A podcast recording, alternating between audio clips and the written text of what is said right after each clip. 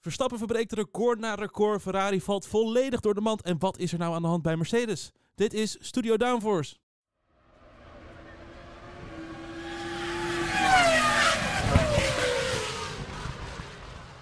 Ja, hallo allemaal en wat leuk dat je luistert naar een nieuwe aflevering van Studio Downforce. Het is alweer de 34ste aflevering van het tweede seizoen. We naderen het slot van 2023. We gaan vandaag terugblikken op de Grand Prix van Brazilië. Dat doe ik niet alleen, dat doe ik samen met Lies. Hoi hoi. Hallo, hallo. En samen met Elias. Bom dia, queridos ouvintes.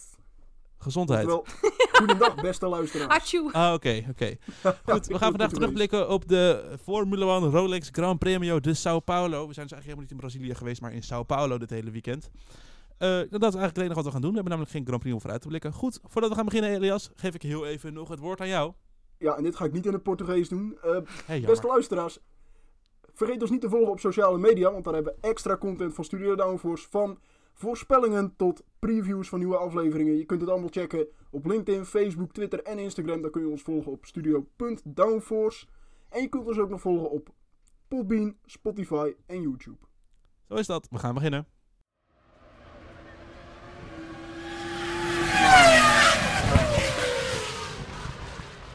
Ja, de Braziliaanse Grand Prix, of dus de Sao Paulo Grand Prix. Een eh, vol raceweekend. We hebben een sprintrace gehad, we hebben twee kwalificaties gehad en één vrije training. Goed, Lies, in, eh, aangezien we vijf sessies hebben gehad, vijf woorden. Wat vond je van dit weekend? Mm, vuurwerk tussen Alonso en Perez. Heel goed, vijf woorden. ja, Elias? Ik zeg ja, sorry, ja. vijf woorden. Vijf woorden is toch best veel dan één keer om na te proud, denken. I'm proud. Eh, even nadenken.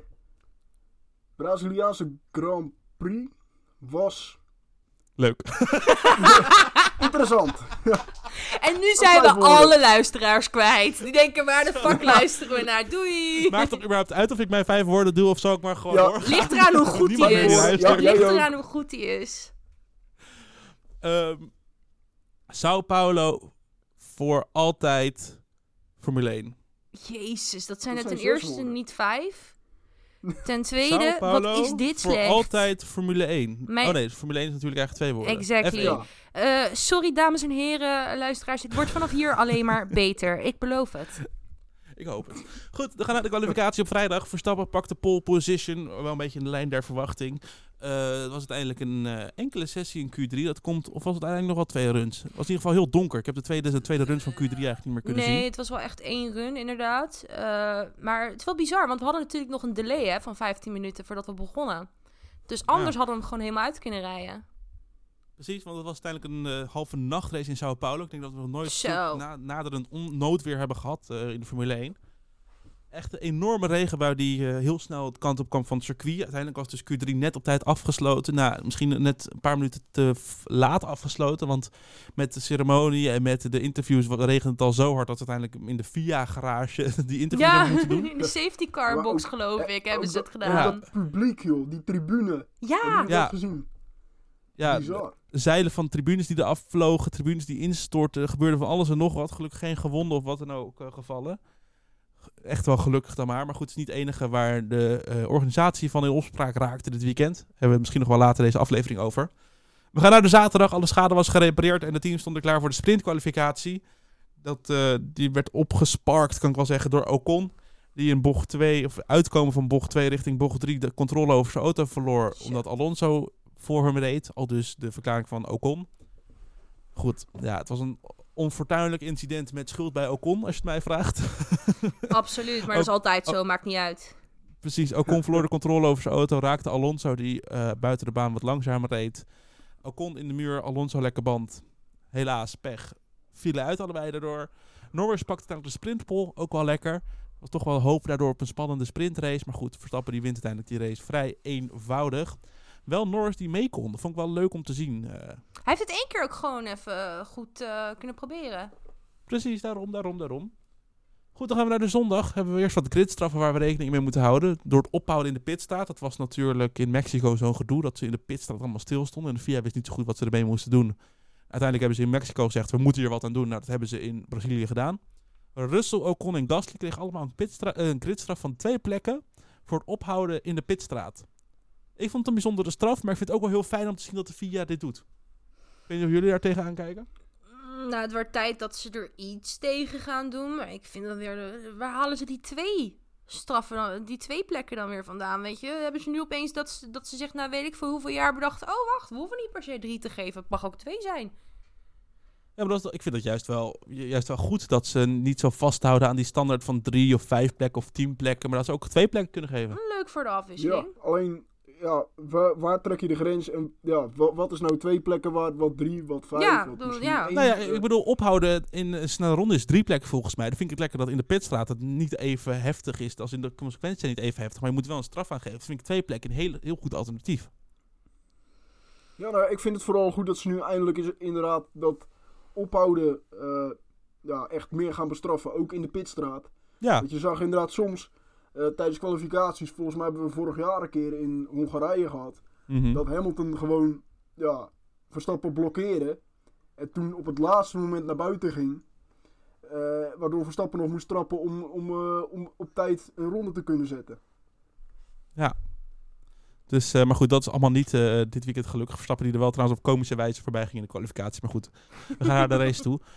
Eh, Leclerc op P2. Zo veel, veelbelovend en zo jammer in de opwarmronde. Door een technisch probleem uiteindelijk in de muur, waar Hamilton dat ooit deed in de kwalificatie. Een Hij paar zelf ook, hè? Hij zelf ook. Hij is er vorig jaar eh, ook daar afgegaan. Oh ja, natuurlijk. Ja, Ja. ja. Ja, Maar goed, technisch probleem uiteindelijk is een makkelijk excuus. Maar goed, dat hij ook, dat hij ook daarna zijn auto moest parkeren was wel een duidelijk, eh, ehm, duidelijk teken dat het niet een eh, helemaal rijderserror was. Omdat hij wel in principe in eerste instantie door kon rijden. Ja, dat is toch gewoon zonde. Dit, dit haalde gelijk de angel uit de, uit de start van de race, vond ik. In ieder geval Ja. vooraan. Ja. Ik vond het wat bizar is dat ze, dat ze dan... Ik had wel verwacht dat ze nog één extra opwarm eh, zouden doen, weet je wel. Maar ze gingen echt... Daarna, daarna ging het echt gelijk van start. Wat me wel opviel is dat de lichten heel langzaam uitgingen. Eh, Ja, lekker hoor. Zo. Dat is ook wel goed voor afwisseling. Ja, ja, want je zag dat, Zag- dat de reactietijd echt langzaam was van de coureurs. Dat ze echt even moesten Ja. schakelen van wow, weet Zag je trouwens dat Hamilton bijna een valse start had gemaakt? Ja, maar het scheelde... Hebben jullie dat gezien? Dat hij een klein beetje vooruit schoot, maar niet buiten zijn, pit, buiten zijn startbox belandde. Maar dat hij wel al vooruit schoot een klein beetje, als in de koppeling net, net te veel losliet en uiteindelijk toch wel eh, op tijd wegging. Ja, het was eh, erg interessant. eh. Maar goed, ik zei al, Leclerc P2 crasht, haalde een beetje de angel uit de start vooraan, maar dat werd helemaal goed gemaakt achter in het veld. Albon en Magnussen crashten omdat Hulkenberg er nog tussenin zat. Eh, het leverde een vliegende band op. Kunnen we daar nog een hele podcast over vullen, want dat is niet de eerste keer dit Ja. seizoen dat zo'n band los, eh, los vliegt eh, Ja, is- door het veld heen. Tering gevaarlijk, laten we even eerlijk zijn. Ja, nou, zag ook eh, vandaag het zorgt voor schade bij Ricciardo en Piastri. En uiteindelijk een rode vlag. Na een extra ronde door de pitstraat en nog met de safety car te, rijden. Ja, ik heb het je vorige week al over gehad. En ik ga het toch heel even kort benadrukken. Of gewoon weer eventjes vers in het geheugen halen.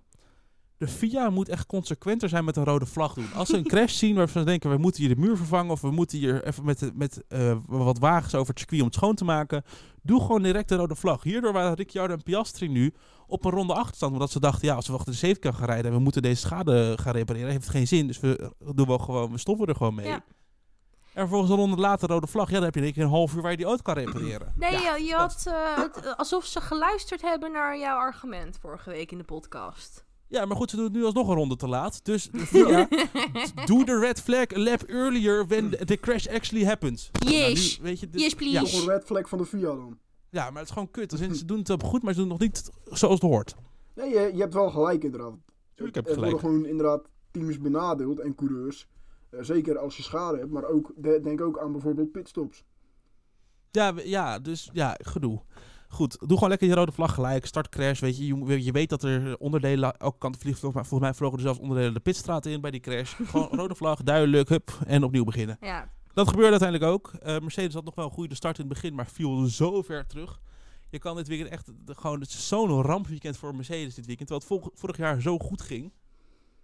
Het is echt bizar. Het lijkt de afgelopen twee jaar bij Mercedes, als ik het zelf een beetje moet inschatten. Ze, ze hebben dan telkens dat ze denken, oké, we moeten echt iets anders gaan doen. We moeten echt het concept gaan veranderen. We moeten echt onze richting gaan veranderen van ontwikkelen. En dan hebben ze één heel goed weekend. En dan denken ze van, nee, zie je wel, we doen het goed op deze manier. We gaan zo door, we gaan zo door. En dan drie races later denk ik van, ja, kut, het is gewoon een verkeerd signaal Ja. geweest. Ja, maar En dit is weer zo'n moment. ze hebben gewoon... Ze, ze weten... Ze, weten, ze snappen het niet. Ze snappen het niet. Dus als het Ze- ding goed gaat, snappen ze het niet. Maar als het slecht gaat, snappen ze het ook niet. Maar dat is denk ik het Ja, dat probleem. Dat is bizar inderdaad. Dat ze gewoon niet begrijpen wat hun auto doet en waarom het gebeurt. Want Aston Martin en McLaren, twee klantenteams van hun, ja, die kunnen het blijkbaar wel. En die kunnen ook doorontwikkelen. Gênant? Aston Martin had natuurlijk ook een terugval, daar gaan we het zo meteen over hebben. Maar dat is gewoon bizar dat die wel er bovenop kunnen komen. En McLaren ook. Ja. Dus goed, Mercedes, eh, rampweekend. Eh, Dan gaan we naar eh Aston Martin eerst even te snel. Want die hebben echt een geweldig weekend in één keer. Waar dat vandaan komt, ik heb geen idee. Maar misschien heeft het wel geholpen dat ze de afgelopen paar races natuurlijk Lance Stroll telkens uit de pitlane hebben laten starten om eh, wat meer kennis open te doen over die setup. Ja, Ja, En dat ze daardoor nu eh, beter voor de dag kwamen. Ik vond het heel Voor het verte- weekend ik kwamen. vond het wel heel erg vertekenend. Ik, ik geloof inderdaad wel dat ze misschien iets meer duidelijkheid hebben na eh, Mexico welke richting of welke spec ze op moeten. Want dat gingen ze natuurlijk testen van welke van de twee specs moeten we hebben. Maar het geeft ook een vertekend beeld, hè? Want je hebt en geen Sainz en je hebt... Ik denk dat eerder de Mercedes super slecht waren dan dat de Aston Martins nou echt zo uitzonderlijk goed waren.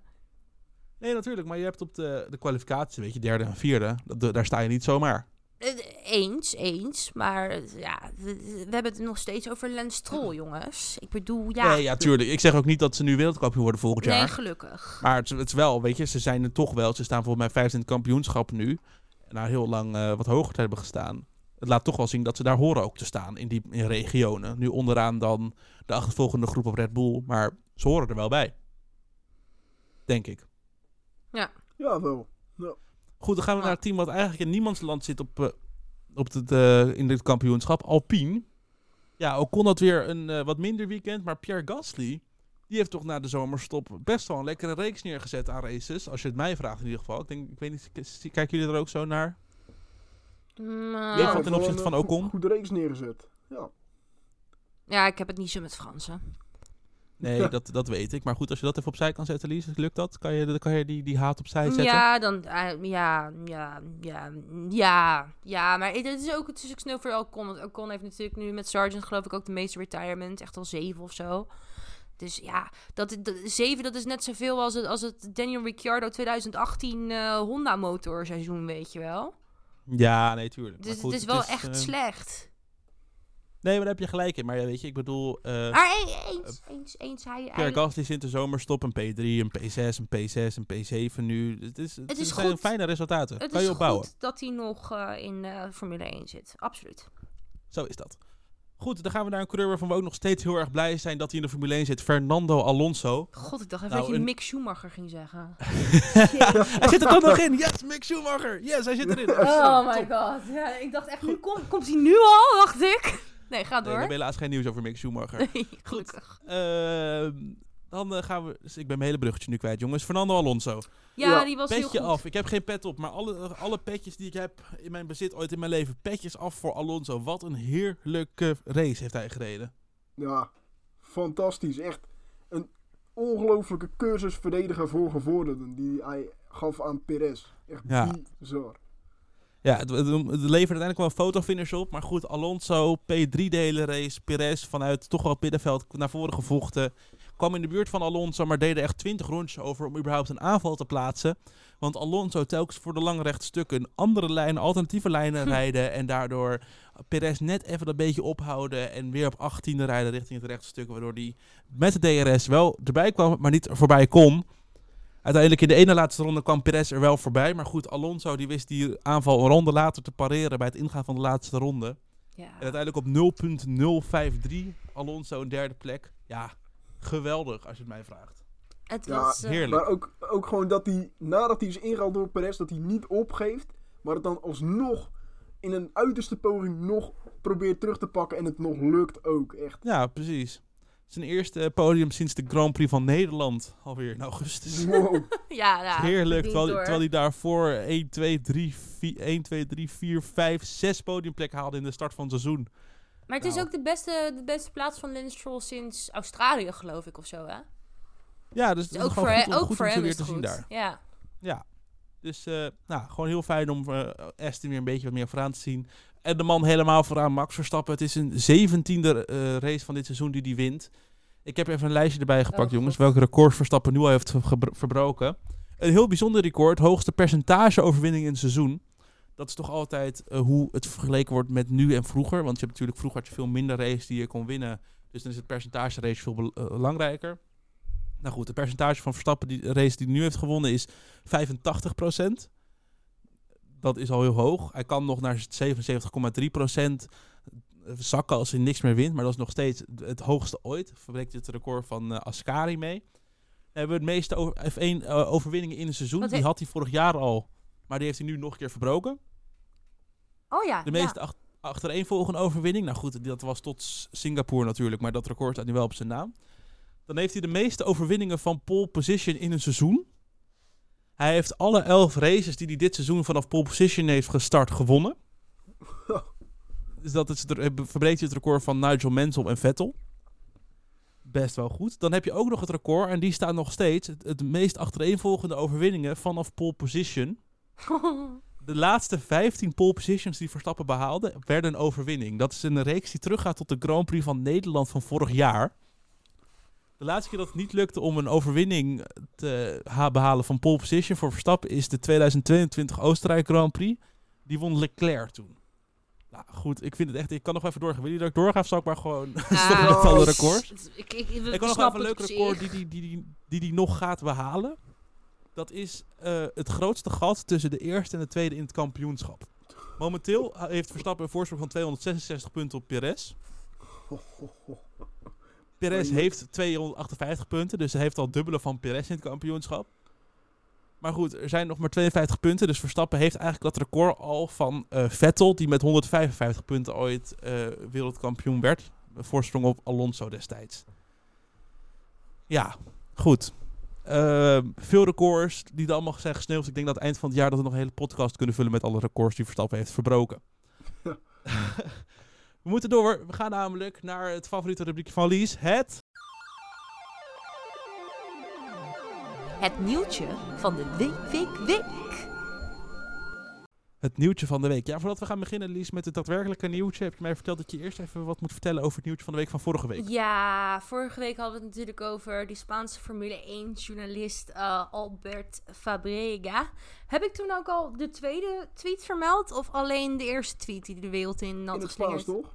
Wat was ja, die, oh, nee. de eerste tweet in het Spaans was dus, die hebben we vorige week besproken van, joh, ik heb net een rumor gehoord in de paddock en ik wil echt niet geloven dat het waar is.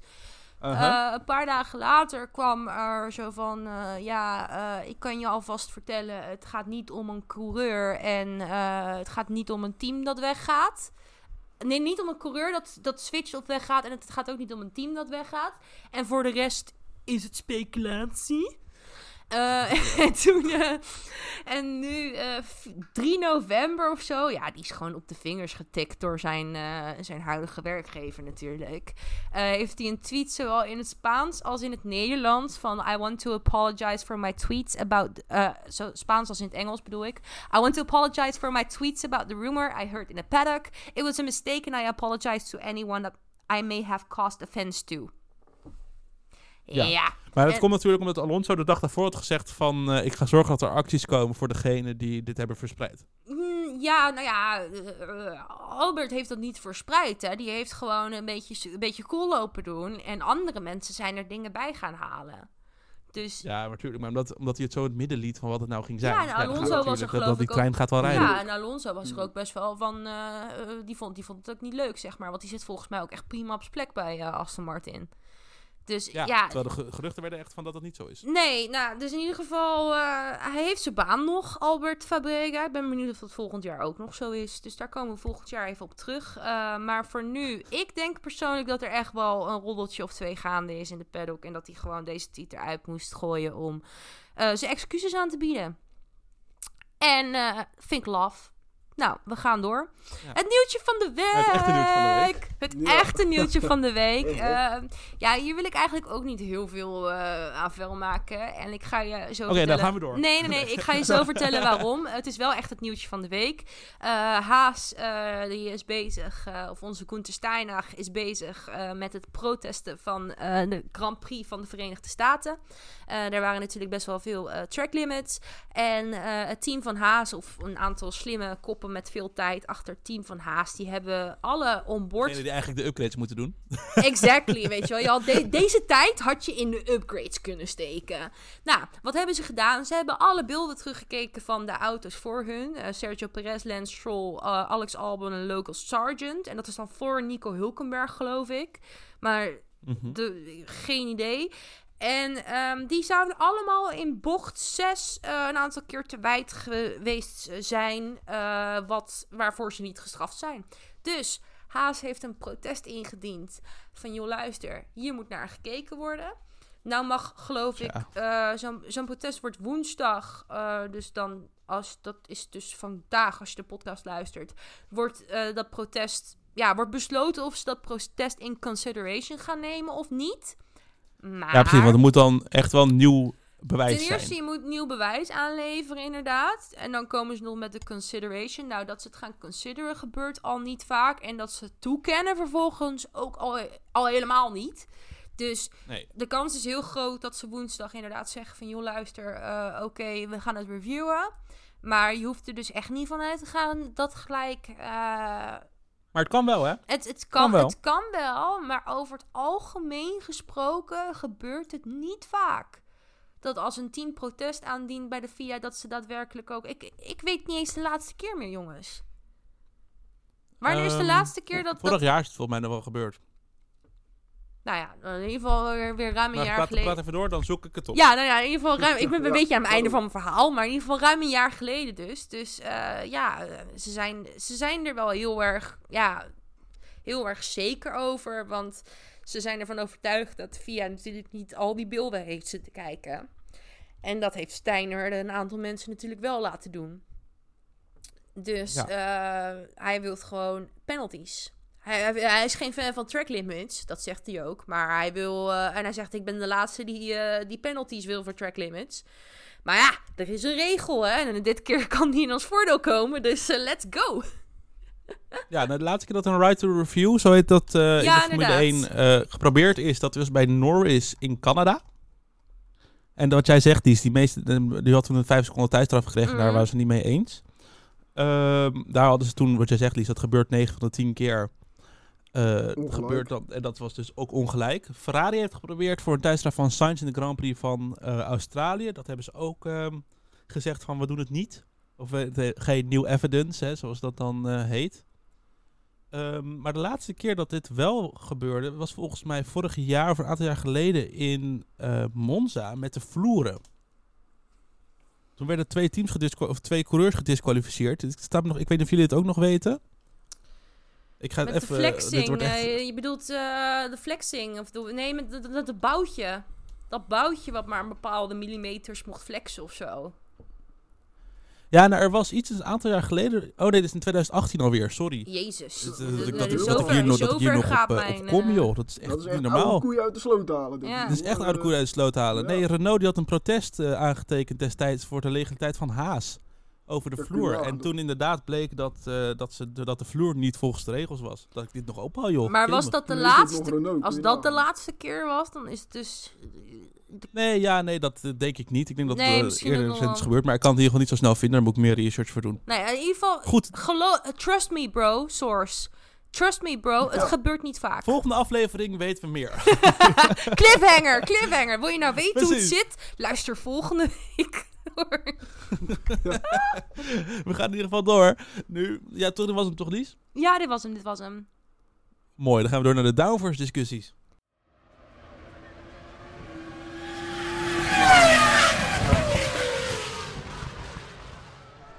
Ja, downforce discussies, stellingen, meningen, geruchten die spelen in de Formule 1. Ja, en gewoon dingen die spelen waar we wat van vinden. De eerste stelling, ja, en daar gaan we het denk ik al wel, ook wel even over hebben. Dat is namelijk de laatste sprintrace eh, dit weekend in, eh, afgelopen weekend in eh, Brazilië. Dus daar moeten we het over hebben. Wat Ah. vinden we ervan? En dat doen we in de stelling. Er moet een apart kampioenschap komen voor de sprintraces. Oneens. Ik ben het eh, Oneens. ermee oneens.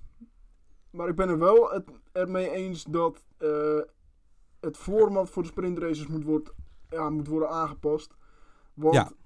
nu is het eigenlijk gewoon sprintkwalificatie, eh, de sprintrace is eigenlijk gewoon een soort voorbode voor wat we krijgen in de race.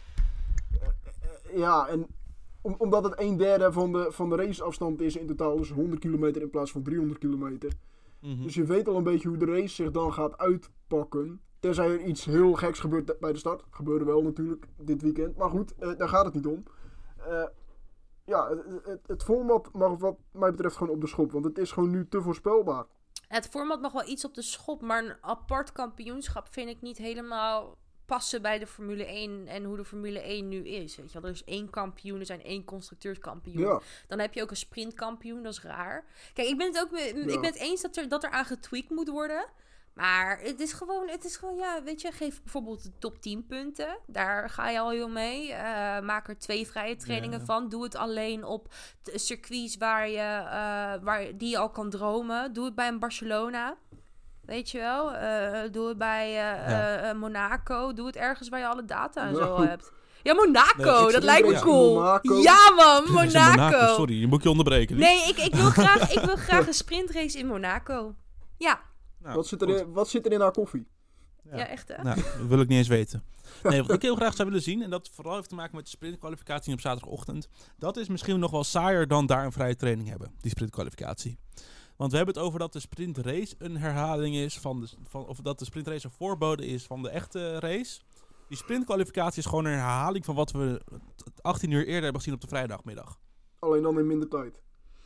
Ja, precies. Dus wat Mm. ik zou willen zien, en dat hebben we natuurlijk een beetje al gezien nu in sprintkwalificatie 3, is dat we een one-lap shootout krijgen. En dat is ook een beetje het doel, met dat, dat je zo eigenlijk te weinig tijd hebt om twee keer een rondje te doen. Dus dan moet je één keer een rondje doen.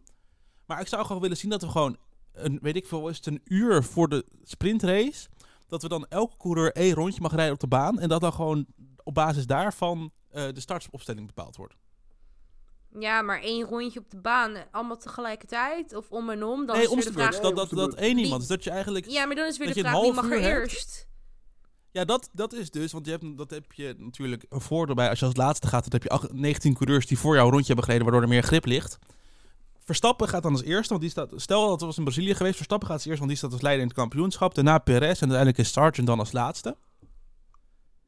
En dan heb, je, dan heb je dus de kans dat het een soort van reversed grid wordt, omdat de coureurs die het snelste zijn als eerste moeten op met de baan met de minste grip. En dat de coureur die het langzaamste is, die heeft de baan met de meeste grip, die zou eventueel kunnen verrassen. Maar dan heb je niet helemaal een reverse grid, maar heb je toch een startopstelling waar verrassingen kunnen zijn. En Dat dat kan je ook weer banden. en dan bespaar je ook nog banden, dus geeft Pirelli ook nog blij. Kijk, ik zeg niet dat het moet, maar ik zeg wel dat het een goed idee is. Die ga ik Waarom hebben we deze onthouden. spelling dan gehad? Die ga ik echt onthouden. Die vind ik leuk. Ja, leuk. Ten ten. Goed, we gaan door naar de volgende. Ik denk dat we die sprintrace, eh, dat we in de downforce discussie die sprintrace nog vaak voorbij horen komen. De tweede stelling, Mercedes maakte een fout door Russell achter Hamilton te laten zitten. Eens. Ehm, ja, eens. Oneens.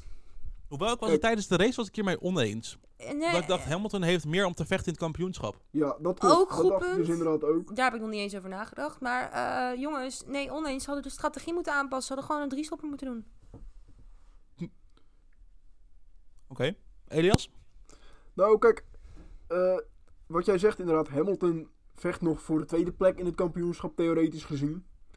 Eh, dus vanuit die gedachtegang snap ik het. Maar toen Russell achter Hamilton zat, eh, was dat gat heel klein. En leek het inderdaad wel alsof Russell veel sneller kon. Maar dat hij gewoon ja, eigenlijk een beetje vast zat achter Hamilton. Eh, waardoor zijn banden dus ook warmer werden. De temperaturen werden hoger in zijn auto. eh, van de systemen ook. En dan trok Hamilton weer weg. En dan was Russell al door zijn banden heen. Ja, en die viel toen terug. Ik, ik, ik denk dat ja, Mercedes zich daar zelf een beetje in de voet heeft geschoten. Want Russell leek sneller inderdaad. Brandde zijn banden achter Hamilton op. En toen trok Hamilton weer weg, ja. Tja, ja, ja. Ik denk dat ze bij Mercedes sowieso een beetje een gek weekend hadden. En dat ze ook niet zo goed weten wat nou het beste precies is om te doen, eh, ook in de race.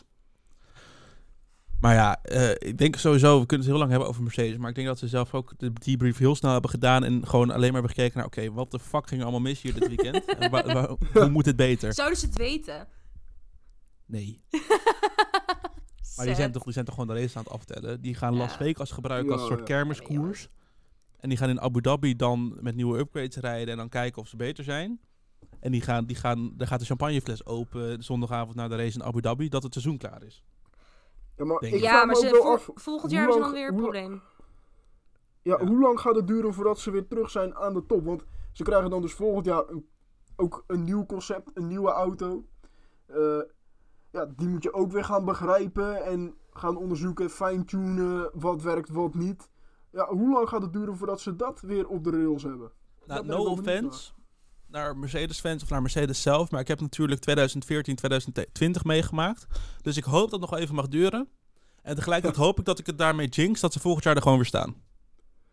Ja, het zou voor de Formule 1 leuk zijn als er weer een beetje strijd is. Maar aan de andere kant is het natuurlijk ook wel ja, mooi om te zien dat een beetje de arrogante houding die Mercedes natuurlijk in die Helemaal periode weg is. had. Dat die gewoon helemaal weg is inderdaad. En dat ze gewoon geen idee hebben van hoe kan dit. Terwijl we jarenlang dachten van... Nou, Mercedes, die dominantie die blijft voor altijd duren in de Formule 1. Nou, Ja. gelukkig is dat niet waarheid gebleken.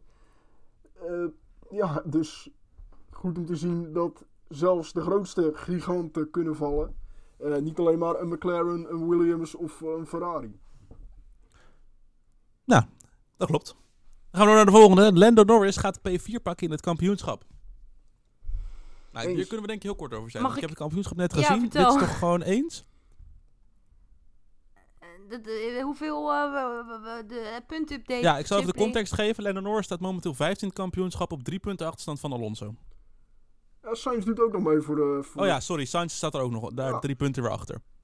Dus het is Sainz, Norris en Alonso op eh, zes punten van elkaar. Ja, dan, voor P4, dan 5 en 6. ben ik het wel eens, ja. ja. Nou ja? Nor- nou ja, of Sainz of eh, Alonso moeten eh, twee hele goede weekenden hebben op, ja, in Las Vegas en Abu Dhabi. Maar, ja, Maar de basis? Hoe, hoe- nou ja, hoe het er nu voor staat. Norris is zelf in vorm. McLaren heeft ook gewoon een goede flow. Dus ja, Norris gaat gewoon die P4 pakken. Nou, duidelijk. Dan gaan we door naar de aller, allerlaatste stelling. En die blikt dan een beetje vooruit op de podcast die we volgende week gaan opnemen. In november in Las Vegas rijden gaat één groot drama worden. Nou, brand, brand los. Ja, ik wil eerst weten wat jullie ervan vinden. ja, sorry hoor, eens. Ja, ik voel dit ook wel aan mijn water. Kijk, ja, ik ben het ook eens. Eh, aan de andere kant snap ik ook wel de gedachtegang van de organisatie. Want ze denken van, het is een nieuwe Grand Prix, het is in Las Vegas. Dat moet het pareltje worden van, wauw, kijk eens, we hebben een race in Las Vegas. Te gek, over de strip. Ja. Eh, aan de andere kant hebben we natuurlijk ook de kroonjuwelen zoals eh, Monaco, Spa, Zandvoort, Monza, Silverstone. Dus ja, om er nou nog een nieuwe bij te krijgen, nou wauw. Nou goed, ik zal even de context geven. Ik zag, zat eh, vandaag in voorbereiding op de podcast een beetje over de Formule 1 Reddit te scrollen. En ik zag daar iemand die zei eh, dat de temperaturen verwacht worden van eh 40 graden Fahrenheit. En eh, van 4 graden Celsius. Fahrenheit. Ja, Sorry. Leuk. Maar eh 4 graden. We hebben, we hebben een wintertest gehad in Barcelona een paar jaar geleden waar het sneeuwde. En waar het alsnog warmer was volgens mij. Mm. Ja, eh, We gaan toch niet, en dit, eh, ik zeg 4 graden is natuurlijk de minimumtemperatuur, maar dat, dat, waar, wat in de nacht is. Maar goed, ze race ook in de nacht daar in Las Vegas waarschijnlijk. Het is toch, dit, dit is toch, dit, dit gaat dan toch, dit, ik, ik, ja, ik kan er niet eens wat van zeggen. Ik vind het gewoon bizar. dit gaat geheid fout. Dat Pirelli eh, of de teams en de coureurs nog niet aan de bel hebben getrokken, dat is eigenlijk best gek. En ik ja, denk maar er dat valt je weinig om aan de bel te het trekken, want het, hij staat al. Ja, nee, maar, ja, maar dat ga je toch tijdens het weekend krijgen van, wat is dit nou weer voor een onzin? Waarom rijden we hier nu? Waarom rijden we op dit tijdstip? En waarom, ja... eh, eh, Met die banden, dat gaat ook niet werken. We hebben al het hele seizoen gezien, en de afgelopen jaren sowieso... Die Pirelli-banden werken niet op kou, ja, met koude temperaturen.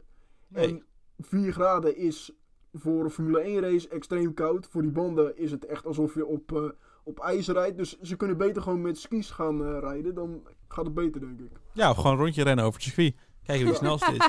Maar goed, natuurlijk nog eerst voorspellingen. Volgende week weten we wat meer hoe het eruit gaat zien. Ehm, maar ik, ik ben zo bang voor een dramatisch weekend. En dat we dan zondag om 6 uur opstaan voor echt een ramprace. Ja. Ja, of een race waar niemand grip heeft en waar iedereen in bocht 1 in de muur hangt. Zou ook kunnen. Zou ik ook leuk Oh, vinden. Oh ja, maar- ja. Het, het spektakel sowieso. Dat, Dat eh, Sargent de Grand Prix van Las Vegas wint of zo, weet je wel? Oh, ik dacht dat hij eerst is die hem in de muur zet, dat je dat wilde zeggen.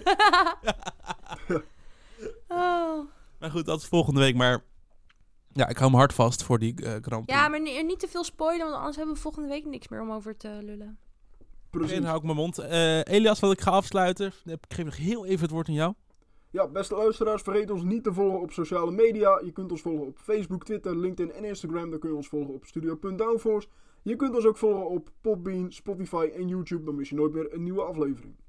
Zo is dat. Volgende week zijn we dus terug. Dan blikken we vooruit op ja, de Grand Prix van Las Vegas. Ehm, ja, ik heb eigenlijk niet over meer te zeggen. Geniet van je weekend vrij, zou ik een keer zeggen, van de Formule 1. En tot volgende week.